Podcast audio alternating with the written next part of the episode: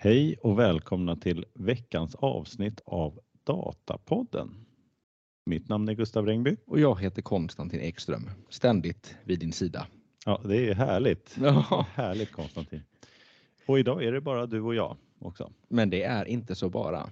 Nej, vi får väl hoppas att det kanske, det positiva det är ju att det blir ännu mindre eh, prat här och mi mindre chitchat för vi kan ju inte bara prata två här och så blir det mer artiklar.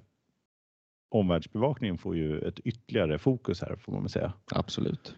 När det är bara du och jag. Mm. Så det är väl bra. Mm. Mm, men vi kör väl igång på en gång. Absolut, kör igång. Och eh, då har vi en eh, nyhet här från eh, Computer Sweden. Fredag den 13 oktober kommer det här ut. Eh, från eh, Marcus Järräng som är chefredaktör där. Rubriken ESAMs efterlängtade besked i molnfrågan. Och citat, det här är kanonbra. Eh, och eh, börjar det här med att säga att det, det inträffade ju två stycken viktiga frågor rörande användning av amerikanska molntjänster här under sommaren. Första juli trädde en lagändring i kraft som, eh, eh, som rörde då alltså sekret, sekretessbrytande bestämmelser i, i, eh, i hur myndigheter ska hantera data. Och det, det betydde att man eh, rent tekniskt som jag förstår det här så är det alltså att man kan överföra data till en outsourcing partner som hanterar data och då räknas det inte per definition att den här datan är röjd. Utan eh, är den, lagras den någonstans så den, behöver den inte bli röjd bara för att man har givit över lagrandet till en tredje part. Någonting sånt här är det i alla fall som man har ändrat och sagt att nu är det fortfarande icke-röjd information oavsett. För det stoppade ju då att man skulle kunna använda en tredje part eh, i det här fallet. Då. Sen 10 juli då fattade EU-kommissionen det här adekvansbeslutet som innebär då att eh, amerikansk eh, hantering av persondata nu är möjligt. Då. Den är på en adekvat nivå enligt då GDPR. Då. Och eh, så då är frågan här då, givet de här förändringarna, är det grönt ljus nu att använda eh, amerikanska molntjänster i, i myndighets-Sverige? Och den här frågan ställer eh, Computer Sweden då till ESAM-verkansprogrammet, ESAM. Så ESAM har ju varit en auktoritet på den här frågan och eh, det är en, eh, ett program eh, som, där det ingår 38 myndigheter.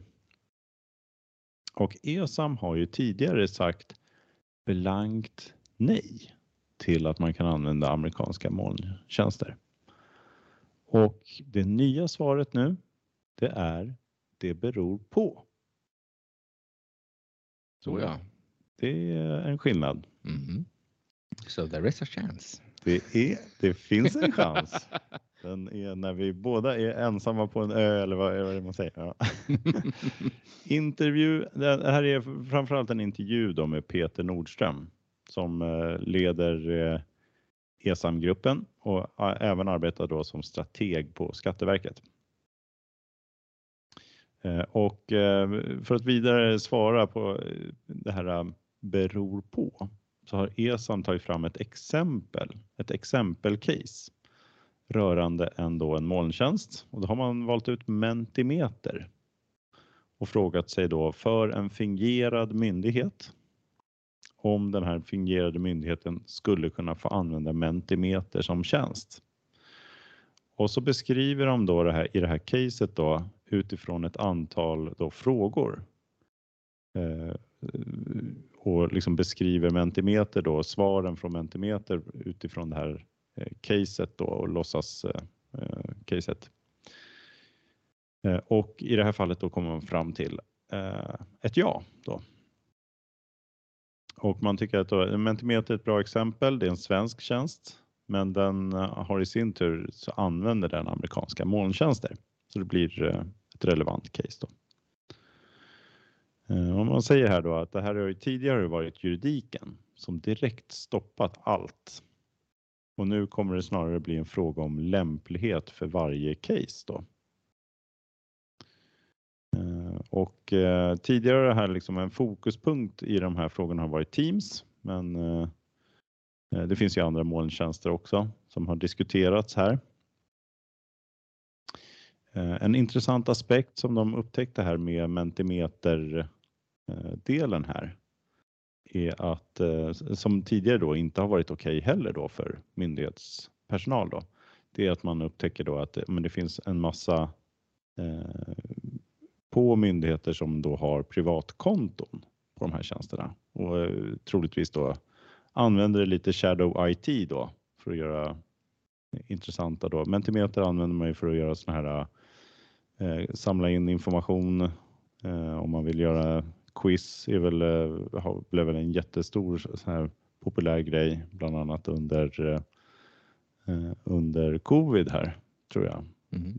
Eller många som många fler som använder Mentimeter då. Eh, men man kan ju samla in information när man har en presentation och så vidare. Med mobiler och så. Men då upptäcker man också att det finns ju en fördel här då också. Utöver att eh, det faktiskt är lämpligt då i det här fallet att använda Mentimeter är också att ja, men genom att eh, godkänna Mentimeter som leverantör så får man också kontroll över en användning som redan funnits. Vilket är förstås eh, positivt då. Och eh, Peter säger också här att eh, han nämner ju här med också att det här är ju väldigt lägligt också med möjligheterna med AI som man inte vill missa här inom Myndighetssverige. Man vill kunna utnyttja alla de här nya tjänsterna. Så att det var väl kanske i grevens tid det här nja beslutet kom då, beror på beslutet. Och eh, nästa steget här eh, uppger eh, de här från ESAM-gruppen är att man kommer publicera det här exempelcaset då. Så att myndigheter kan utnyttja både de här frågorna då som man ställer och dimensionerna som man utreder den här lämpligheten för sina egna case.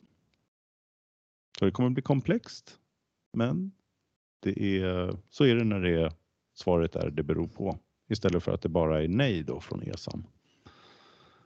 Mm. Eh, jag satt och funderade gärna på ESAM.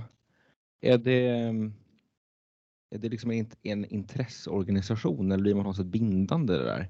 Har de egentligen någon reell makt att säga att nej, myndigheterna får inte, utan är det en, mm, ett rådgivande organ snarare? Det var en bra fråga. Jag kan väl åtminstone misstänka att, eh, att de här 38 myndigheterna då följer dem.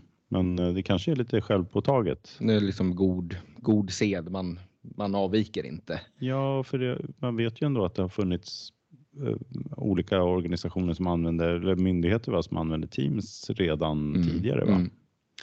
Men jag, jag, vet faktiskt inte. Jag mm. vågar inte svara på det riktigt. Nej, för jag, Men... tol jag tolkar lite grann som Dark Fans beslut att okej, okay, om företaget man vill lämna sin data och omfattas av den här EU eh, EU-US eh, Data Agreement mm. eh, eller Agreement Framework. Om de omfattas som det, då säger andrahandsbeslutet att det är okej okay. och Microsoft har den. Det finns en hemsida man kan gå in och kolla vilka företag som omfattas av det. Mm. Då tänkte jag liksom, okej, okay, nu, nu är det helt okej. Okay. Ja, just det. Mm. Nej, men det är väl också här, det är 38 myndigheter, men sen så tror jag oavsett så har ju också de här ESAM påverkat eh, andra myndigheter också. Mm. Mm. Och kommuner och alla möjliga som ändå tittar på ESAM. Mm. Utöver de som har varit inblandade här tror jag också. Just det. Så det kanske inte är helt hårt men lite halv, halvhårt. Ja, det kanske är lite farligt att avvika. Eller man, man avviker på egen risk. Ja, kan precis. Man säga. Ja. Men det vore väldigt intressant att se det här caset sen då, när de publicerar det. Ja, det blir jätteintressant för att eh, man kan väl misstänka att de frågorna kommer dyka upp på varenda då förfrågan här framåt eh, mot att man ska bygga ett, eh, om man ska gå upp och lägga sig i molnet med dataanalysplattformen också. Mm. så tror jag de här alltid kommer finnas med i, eh, i projektet som en, som en frågeställning. Då. Mm. Ja, det kan man verkligen vänta sig. Och kanske även om man nu ska hålla sig en hybridlösning så kommer ju de bli även viktiga då för varje datadel. Mm. Att, det blir de, att de kommer vara eh, viktiga frågor säkert att gå igenom då. Mm. I, eh, för det, i, I slut kommer man ner, inte bara på liksom systemmässigt, för det är mycket att man använder hybrid nu, att man har kommit fram till att eh, vi behöver molnet för sensordata och sådär. Mm.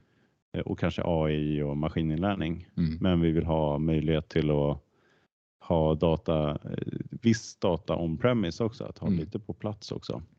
Absolut. Men då är det ju ett, det är ett svårt beslut då. Vilken data skulle vi lägga i molnet och vilken ska vi? Ja, det blir det ju ständigt. Ja. Men eh, jag måste säga att jag känner mig glad över att det, det rör på sig. Det är inte blankt nej, utan nu, Eller hur? Det är händer det lite grann. Ja. Och man kan väl, eh, eh, vi jobbar ju mycket i molnet. Mm. Jag tror att eh, det kommer bli fler upp, uppdrag och projekt nu framåt Mm. som är i molnet. Mm. Så att eh, privatmarknaden får lite konkurrens nu av, kring data engineers Mm. får man misstänka. Mm. Så det blir spännande. Ja. Ska vi gå vidare? ja. Bör Databricks vara oroliga? Det är en fråga som artikelförfattaren från produktbolaget Vantage ställer sig. Och den här frågan tror jag faktiskt också många andra har i vår bransch har ställt sig sedan eh, Microsoft Fabric lanserades här i, i somras i public preview. Inklusive mig själv. Ja, alltså att jag ställt frågan, inte att jag har varit i public preview i somras här. Eh, men nu, hur som helst, det är otvetydigt att det finns ganska mycket tekniska likheter. Och I artikeln så går de då därför igenom lite olika workflows, features och prissättning. Ehm, de börjar med att dra en liten referenspunkt till att det finns traditionellt tre typer av datasystem. Datalag, databaser, datalager och data lakes. Databaser, jag förutsätter att det är liksom, du har tabellärt format, alltså det behöver inte vara speciellt modellerat utan det är bara liksom ett tabellär strukturerad data är där. Datalager liksom lite mer modellerat och data lakes där du har, kan ha semistrukturerad eller ostrukturerad data till och med. Ja, kanske en fråga om eh, databaser sån här rå- rad eh, indexerat eller vad man ska säga. Så kan man också. Kolumn eh, Ja, det kan man också. kanske de menar. Mm. Men det, det var lite otydligt måste jag säga Mm. i artikeln. Mm. Eh, Men det som Databricks och Fabric gör här, det är att de sikta på en fusion mellan datalager och data lakes. Där analytiska frågor som select sum amount från customers kan köras på semistrukturerade som JSON. Så man kan queera eh, eller ställa frågor då helt enkelt mot en JSON-fil precis som om det vore en, ehm, en strukturerad SQL ehm, tabell. då. SQL-tabell, vad säger jag? Strukturerad, tabell strukturerad data. Ehm, men att köra SQL-frågor, det är ju så att den enklaste typen av jobb som både Databricks och Fabric kan hantera. Men det är också möjligt att köra Python i Notebooks till exempel för att eh, träna ML-modeller. Och under huven så använder både Databricks och Fabric Apache Spark som beräkningsmotor som i sig är open source, ursprungligen skapat av grundarna till Databricks.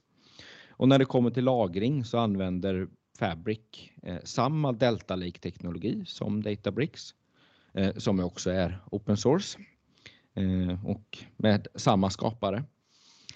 Och i båda fallen så lagras datan fysiskt på Azure Stores Account eller S3 alternativt OneLake direkt då om man kör Fabric. Så de, man kan ju ändå säga att de grundläggande tekniska Eh, delarna är tämligen lika. Och de beskriver i den här artikeln att det, det enklaste sättet att tänka på Fabric är att den utökar BI och Data Warehouse-funktioner på Azure på ett sätt som är väldigt likt hur Databricks gör. Men sen går de vidare här och listar ett antal features som jämförelse. Och även så här så ser vi lite likheter. Alltså så här, jag tyckte de här, det var väldigt hög nivå på dessa features. Så jag tänker, gräver man liksom längre ner eller precis nedanför så kommer man säkert hitta mycket fler olikheter och sådär. Um, men några stycken hade man listat där det är um, samma. Ehm, uh, SQL, Python, Notebooks, uh, Sparksmotorn då, uh, Data Engineering, Serverless, SQL, MLflow. Um, men på det som bara finns i Databricks så listar de Delta Live Tables som är då det här att man inte behöver liksom köra batchjobb utan det blir, det blir lite mer att man definierar en tabell som en vy och sen så liksom strömmas datat som en CDC genom liksom mellan de här som genom alla lager. Och sen model serving, alltså man kan möjliggöra access av deployade modeller till användare via ett API eller en webbservice. Ja, vi hade väl Delta Live Tables har vi nog gått igenom i ett eh, avsnitt eh, en bit tillbaka. Mm. Jag vågar inte säga vilket avsnitt, men eh, går man igenom alla 72 tidigare mm. så kommer det finnas ett som handlar om Delta Live Tables. Mm. Men det verkar ändå som att eh, det här var liksom kärnfunktionerna som de tyckte i artikeln var, var viktiga. Mm. Eh. Och sen så kan man titta på eh, själva UIT, alltså vad heter det, user interfacet. Eh, och liksom hur, hur saker och ting är organiserade. Och då ser man ju direkt här att båda har workspaces, att man arbetar, organiserar sig genom workspaces och sen att man kan administrera detta liksom en central konsol på webben. Men så till nästan den roligaste delen, priserna. Det här är ju alltså det är ju liksom kärnfysik. Det finns något mer avancerat, teknisk kärnfysik ungefär. Eh, för det är ju supersvårt att jämföra. Vad, vad kostar det? Utan att man egentligen har ett specifikt case som man sätter upp. Man kan ju kolla liksom det här. Om man arbetar på det här sättet, vad skulle det här kosta? Då kanske man kan göra lite estimat, men mm. det går inte att säga per timme eller per per rad eller något sånt där. Liksom bara, sådär. Um, men de, de säger här, de börjar med att titta, liksom en, en jämförelse man kan göra, mm. det är att titta på modellerna för prissättning. Och Databricks prissättning kan tycks, tyckas vara lite komplicerad. Um, artikelförfattaren tycker att den är mycket enklare, men um, det är ju de facto fler parametrar att ta hänsyn till här. Uh, närmare bestämt fyra stycken. Eh, det beror på vilken workload man har. Eh, Sparks kluster, Databricks SQL, om man kör Delta Live Tables och sådär. Sen beror det på vilken platform tier, alltså vilken version av Databricks man har. Man har standard, premium eller enterprise och det styr lite grann vilka features som finns som datakatalog, eh, audit logs och lite så säkerhet och sådär. Och sen så såklart vilken cloud provider, om du är på Azure, AVS eller GCP. Och sen den fjärde instans, alltså vilken instanstyp. Jag fattade inte riktigt vad, vad den var, men det är någonting man måste välja oavsett provider och det är liksom en kostnad för att man eh, har, man kör det liksom på sina egna eh, resurser och då blir det liksom lite admin eh, mm. kostnader liksom runt omkring där. Men om man tittar på jämför med Fabric då, då är detta teoretiskt sett mycket enklare för att du har en enda dimension. Um, och det är, de kallar dem SKU. Eh, kan, kan det vara Stockkeeping Unit eller vad, vad, vad står det för? Ja, är det inte Capacity Unit i alla ja, fall? men det är SKU. Ja, jag får inte in, jag får inte in, jag, jag får inte inse. Det är nog någon annan eh, förkortning. Ja, mm. ja just det. Um, och här ingår ju då alla workloads um, till en kostnad per timme istället då så man har um, sin Fabric igång. Och de, de har ju bifogat då den här eh, eh, prislistan då. Jag tror att till och med den är från Microsoft som de bara klippt in där. Um, och då kunde man ändå se att en P, motsvarande P1-licens, alltså premium, eh, premiumlicenser på BI idag, um, motsvaras en SKU-F, det står nog för Fabric 64, så 64 capacity units. Mm. Um, det motsvarar en kostnad på 11,52 dollar per timme då som, som den är igång. Ehm, så det är liksom lite grann av modellerna, men de har ändå ett försök på att jämföra de faktiska kostnaderna. Ehm, och då har de egentligen två tankemönster. Ett sätt är att tänka på att man kan ha eh, på hur mycket Databricks användning man får per Fabric SKU jämfört med eh, Databricks då. Och den lägsta Fabric SKU som motsvar, motsvarar då en Power BI V-Course F8, alltså 8 kapacitetsenheter, capacity units. Det är 1,44 per timme. Och en liknande kostnad för beräkningsjobb på, på um, Databricks då. Um, med lika många så här, V-course då. Mm. Eh, det skulle vara 1,35. Så att liksom per, per V-course, liksom, på den dimensionen, då är det, då blir kanske det blir lite billigare. Eh, men så refererar de till Microsoft som har sagt att eh, man ska tänka att två Spark V-course motsvarar en kapacitetsenhet. Så att eh, om man har en, eh, en eh, F64 då som motsvarar då en, en eh, P1 då skulle det vara 128 Spark V-Course. Ja, det låter ju rejält va, eller? Ja, alltså det blir dyrare. När, I så fall skulle det vara liksom en dubbla kostnad när det väl är igång. Men å andra sidan, du kör väl bara, alltså ett sparkluster är igång när du liksom processar datan. Och sen kanske du har en, ehm, en Databricks SQL serverless när mm. du liksom ställer frågorna och då behöver du inte ha igång den. Så att det är ju det här som blir svårigheten i jämförelsen att ja, det kanske är dyrare just när du kör, men sen använder du inte den. Medans, den medans i, i alternativet så mm. är det alltid lite billigare, men å andra sidan i princip alltid igång. Ehm, så man behöver nästan ha ett, ett, ett case som man, eh, som man jämför liksom från ax till limpa för att veta vad, ehm, få en, ett, som ett jämförelsemått på, på något sätt. Mm.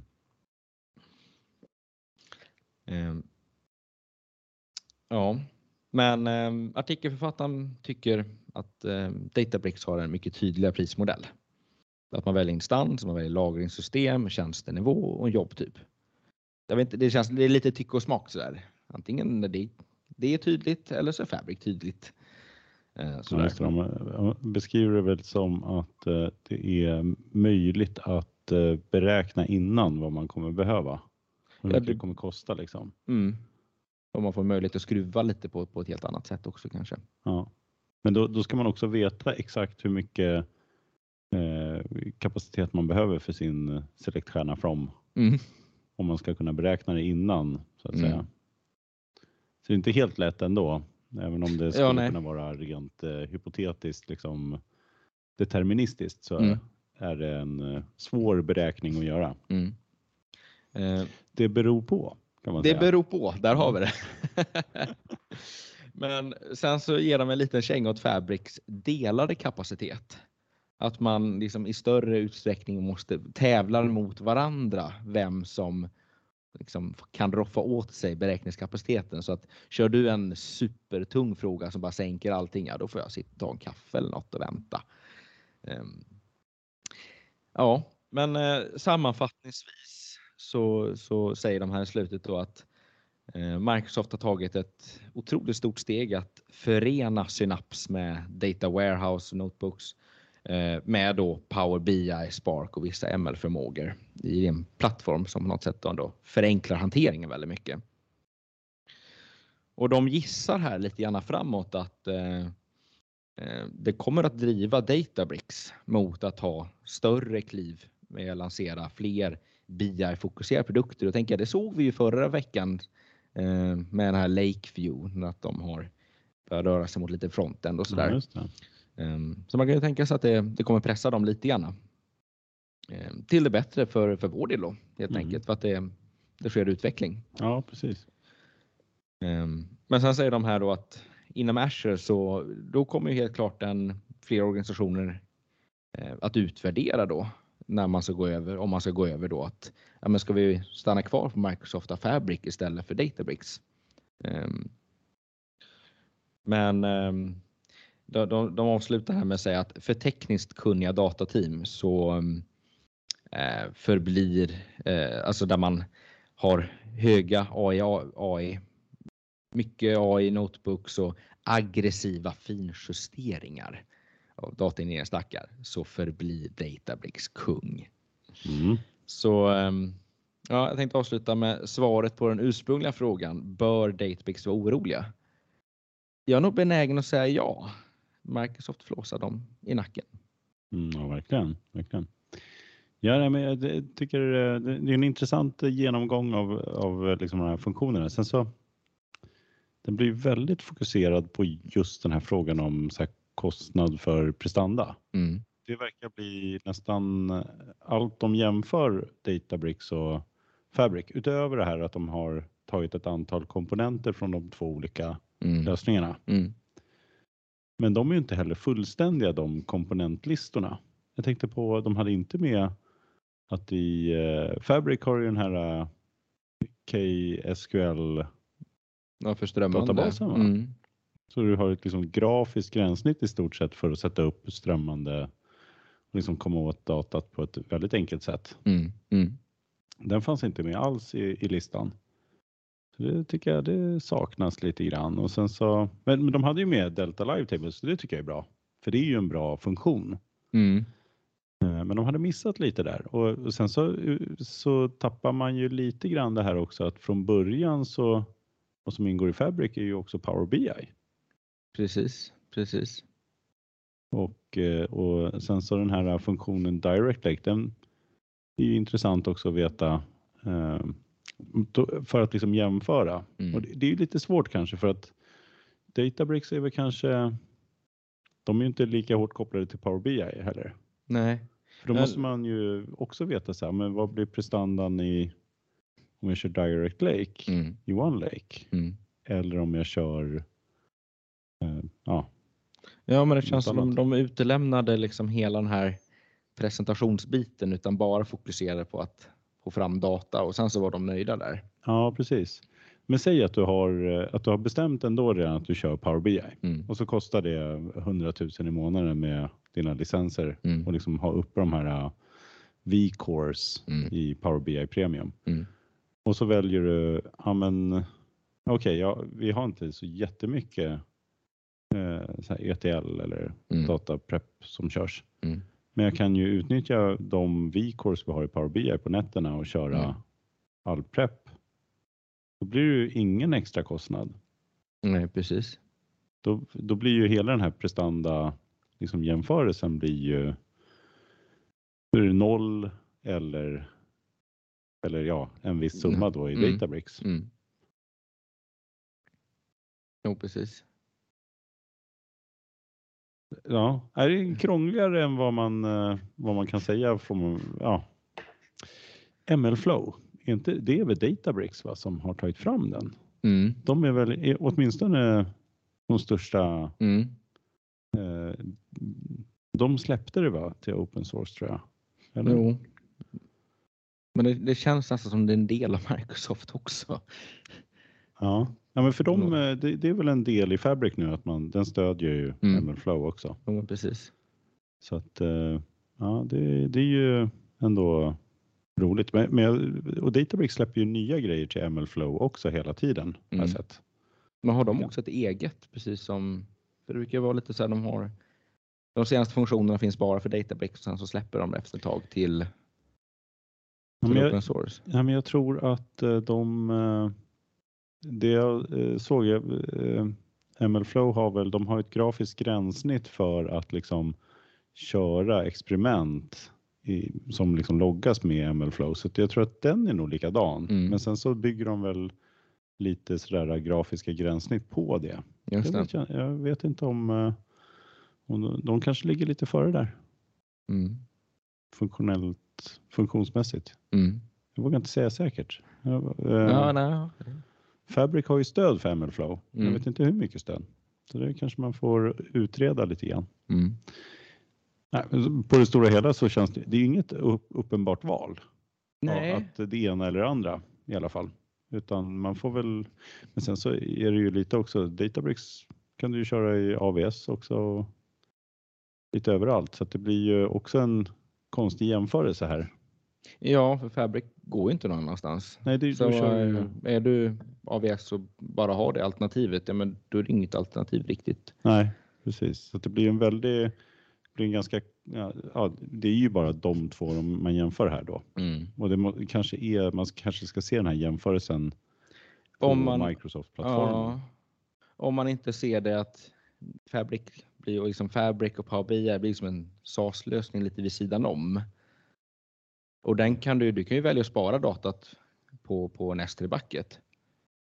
Och ha Ja, det som du kan- dit. Jag tror Så- du kan hämta datat i alla fall från S3, men du måste väl, Ja, helt korrekt. Helt korrekt. så i sådana fall får du ju ja, antingen ha ett DV då i, Mm. eller liksom en Mm. data lake i S3 eller, Mm. eller ha det som bara källa. Mm. Jag försökte få det till att man kunde liksom kombinera det på något Ja, otroligt smidigt Ja. sätt. Att man eh, att det ändå kunde vara liksom en fristående, för det är väl inte helt ovanligt att man ändå kör just Power BI. Även om man har ett annat moln, tänker jag. Ja, men precis. Det stämmer ju. Mm. Nej, men, men det finns ju en massa, liksom, det är ju inte bara, Fabric är ju en, liksom Di- Direct Lake kommer ju vara en eh, connector. Mm. Men du har ju kvar de gamla, liksom, gamla sätten att hämta data från olika datakällor också Mm. i Power BI. Mm. Så att eh, man måste ju inte använda den heller.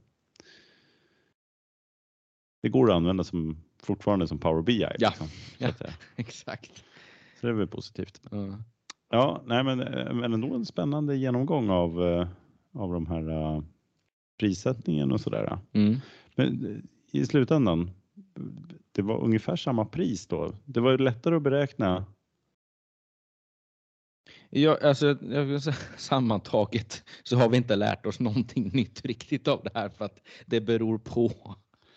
Ja, de refererar väl till han eh, Mimone som vi har haft andra artiklar från Just det. eh, kring det här. Han testar ju väldigt mycket den här, eh, vad heter den, DuckDB och Mm. kör liksom tester på det. Men jag har sett också att han har gjort lite tester mot Fabric och ser prestanda och hur mycket han får ut för Mm. kronorna sådär. Mm. Så att, eh, kanske får återkomma med någon artikel därifrån. Mm. Se vad, vad han har testat. Mm. Men något jag i regel saknar på de här testerna, det är den här osynliga kostnaden. Kan vara osynlig. Förvaltningen, Ja, precis. Enkelheten att Mm. ta hand om det och Mm. underhålla det. Det är inte, kanske inte den man, man ser den inte riktigt på eh, i investeringsbeslutet för då är det mer liksom hårda, Mm. hårda siffror. Nej, precis. Och det, den är ju ändå enormt eh, stor, får man väl säga. Mm. Jag, jag tror inte, det är sällan i alla fall som eh, liksom pres, eh, kom, computation prestan, eh, den kostnaden är större än underhållskostnaden va? Nej, men i regel så. Ska jag misstänka. Mm. I alla fall, det är kanske så att det kan i, vissa månader bli så. Mm. eh, Jo. Sen så faller det tillbaka när man gör förändringar och sådär. Mm. Så blir det större kostnader. Mm. Nej men precis. Nej, och det, det blir lite navelskåderi då, får vi säga. Mm. Ska vi gå vidare? Ja, jag tycker nog det. Från, från en navel till en annan. Ska vi in i nästa här då. Då har vi en eh, artikel från eh, på Medium. 28 september kommer den här ut. Av eh, Kim, jag vet inte om man säger TIS eller ja, någonting sånt. 2E. Nej, Nej. T-H-I-E-S. This. These. Ja. Ja. Kim i alla fall, hon skriver här, eh, en rubriken är Data Mesh can't win without a massive culture, culture shift. Och Kim eh, beskriver då, hon har varit på Big Data 2023 i London. Och största ämnet som har diskuterats här på den här mässan har varit Data Mesh. Och eh, hon säger att den allmänna bilden här är att man upplever svårigheter att införa data mesh. Vi har alla läst böcker och artiklar som hyllar data mesh, men många har svårt att införa eller har gett upp på idén att införa data mesh, säger hon här. Kim arbetade själv nyligen. Hon, eh, hon verkar vara eh, en egen eh, entreprenör, står det i titeln. Hon arbetade själv nyligen med införandet av en, av ett data mesh, en data mesh struktur då, hos ett fintechbolag. Hon hade rollen som Head of Intelligence Automation och hennes beställare, Chief Risk Officer, behövde få tillgång till data från flera olika delar av verksamhetens systemflora för att kunna göra sitt jobb. Då. Och analyser och riskanalyser av olika slag. Beställaren här, alltså den här riskchefen då, hade inga preferenser hur detta skulle göras, utan bara att denna fick tillgång till kvalitetsmässig data. Och eh, de hade eh, stöd här till det här projektet så hade de hjälp av eh, liksom en, en central teknikgrupp inom, inom det här fintechbolaget och arbets, arbetsverktyg också. Liksom. Bra arbetsverktyg.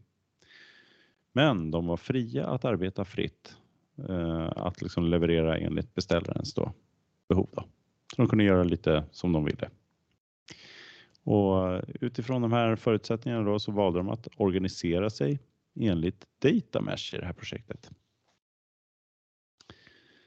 Och eh, Kim säger det här att hon var ju väldigt stolt över teamet. De åstadkom så mycket.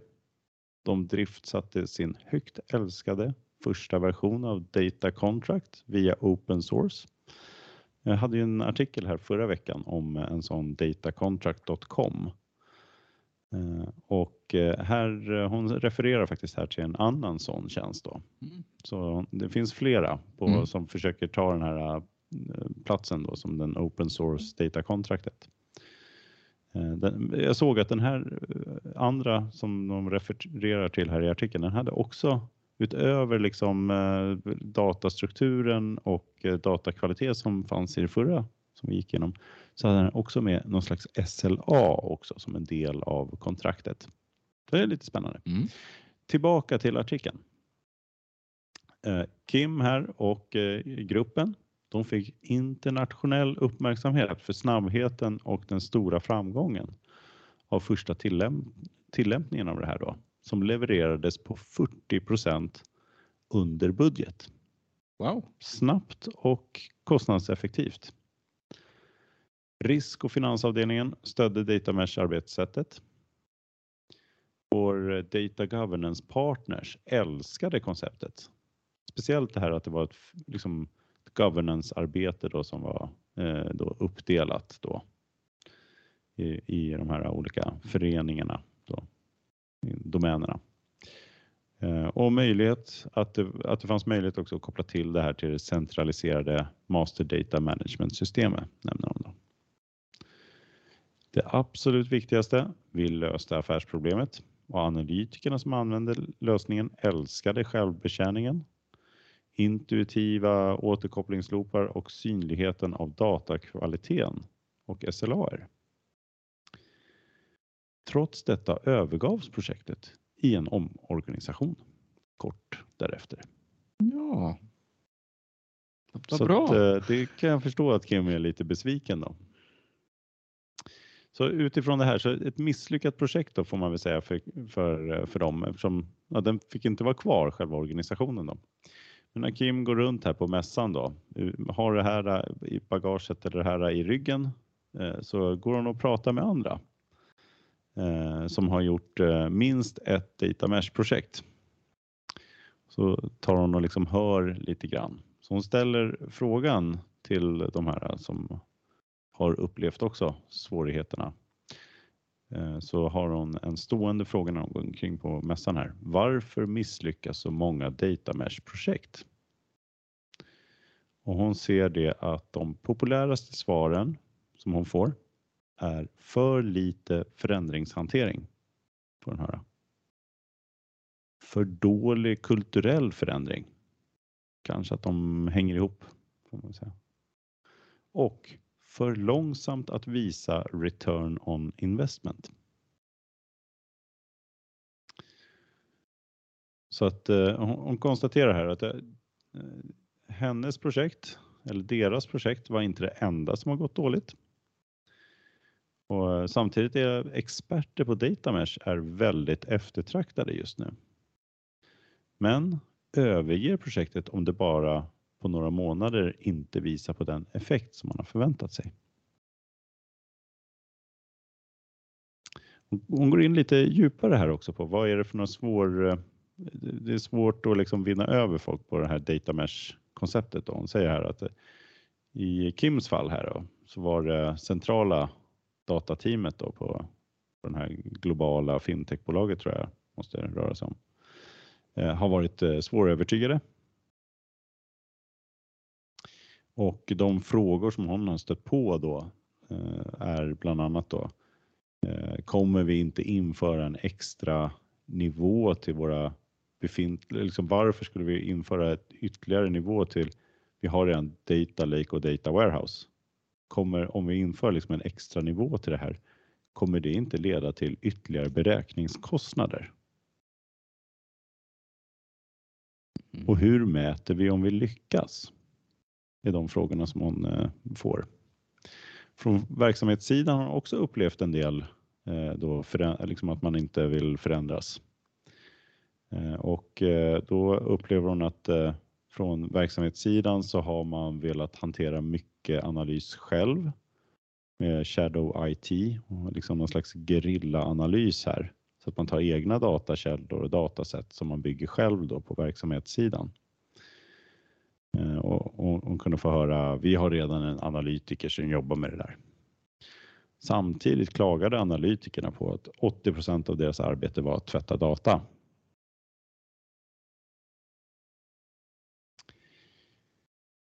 Ja, kan man sälja datamesh? Nej, tycker Kim. Det räcker inte med det här tekniska stödet utan man behöver få med sin, eh, sig organisationen också. Och eh, det svåra är att de flesta organisationer är långt ifrån mogna eh, för det här. Bilden Kim får när hon talar med dem som eh, gått igenom minst en data mesh implementation är att det är svårt att införa i sin helhet. Dock finns det delar som man tycker fungerar väldigt bra.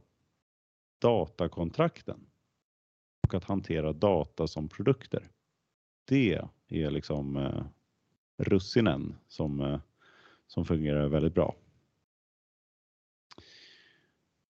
Kim avslutar här också med att eh, den som lyckas med det här med data mesh kommer ha mycket goda fördelar mot sina konkurrenter. De förstår vad som skapar affärsnytta. De är redo för automatisering med AI och maskininlärning. Och eh, de som kan anpassa sig till den här då kulturella skifte och ändra organisationen och sina processer och inte bara hantera datahanteringen i sig eh, av, av denna typ av verktyg då, kommer vara morgondagens ledare tror Kim då. Så att eh, där har vi en liten så här inblick då i, eh, det här är ju bara en, en som berättar då. Mm. Så att man får väl säga det att det inte är en eh, fullständig bild. Men, Men får en liten bild ja. av hur hon ser på Datamesh då. Mm. Men jag tyckte det lät som det var ett otroligt lyckat projekt som hon hade drivit och sen bara poff försvann den. Ja. Mm. Nej, de kan väl inte haft, man vet ju inte varför men Nej. Det... Men jag tycker det blir så tydligt, egentligen två saker som jag har tänkt på. Mm. Eh, dels att det som går att konkretisera tekniskt och bygga och förvalta, det är de lätta bitarna. Därför datakontrakt då, som ett exempel. Det är liksom väldigt konkret det går liksom tekniskt del. Mm. Sen den här organisationsbiten. Det blir ju lite grann som en eh, kan man säga, skugghierarki. Och det blev ganska tydligt när de gjorde en omorganisation och då försvann allting.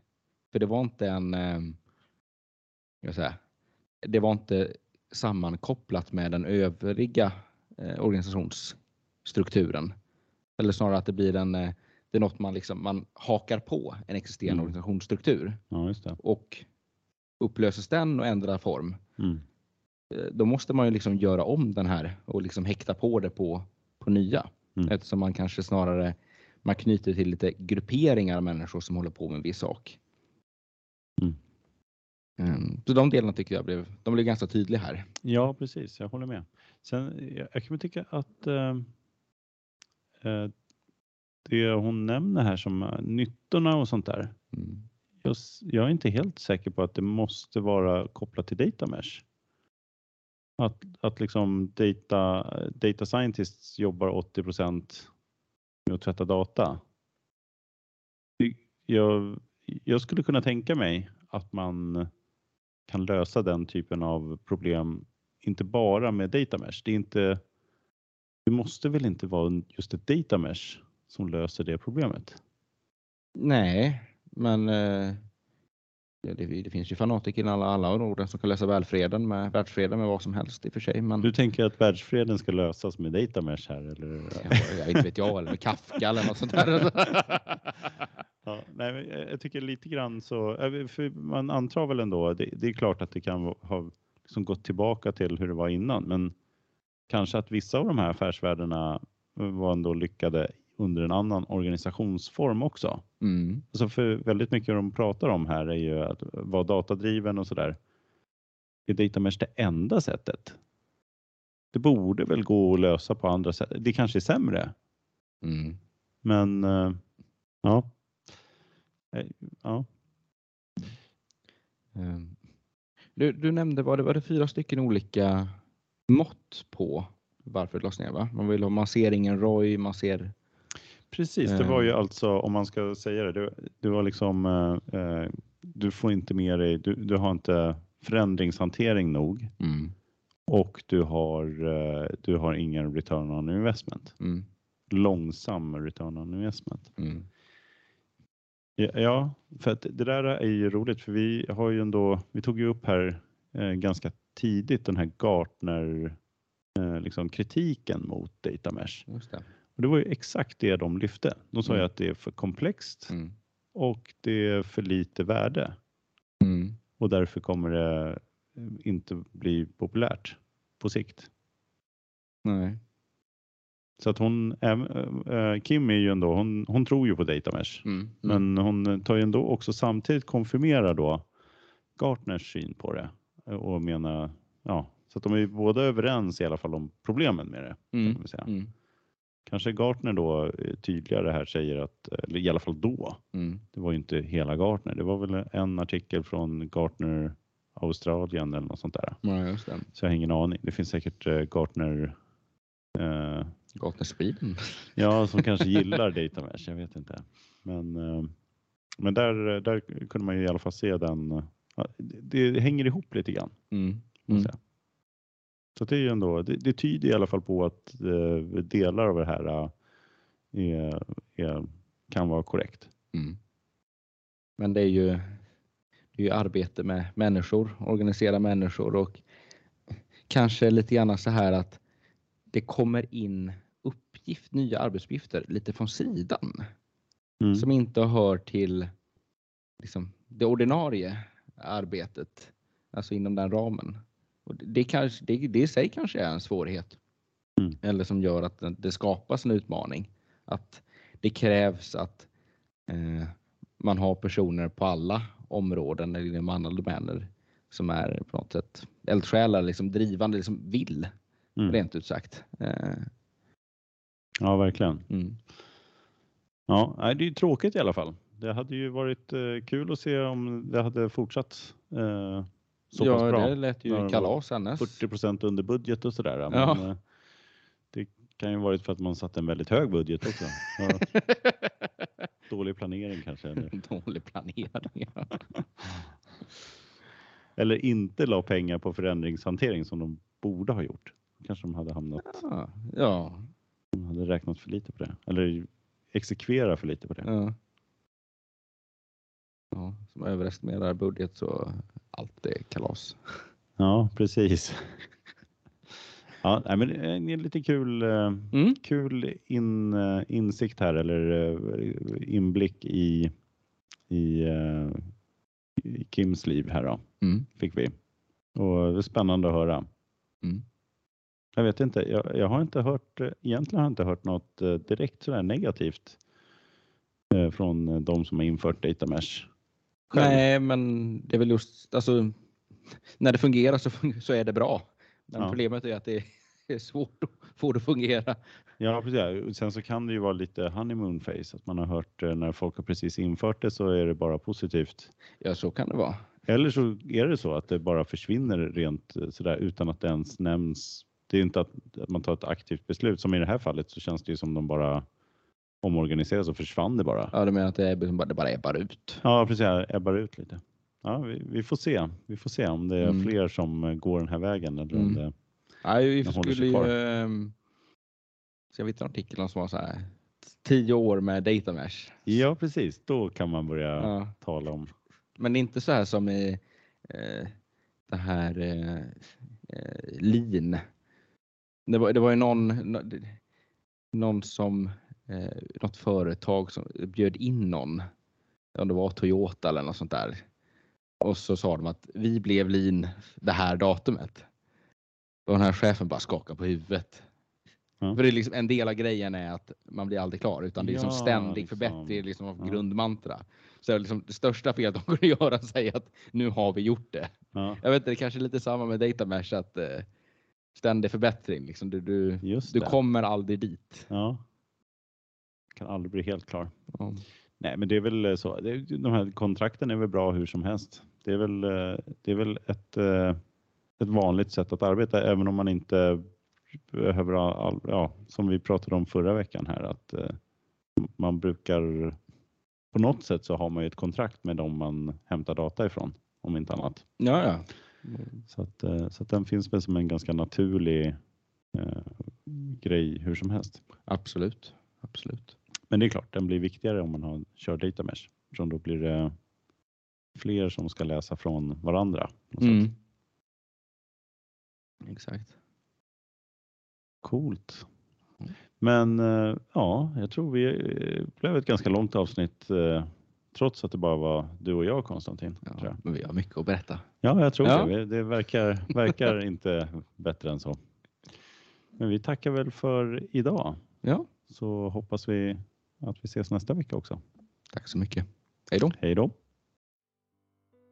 Vakna klockan fem, det är mörkt nu igen Som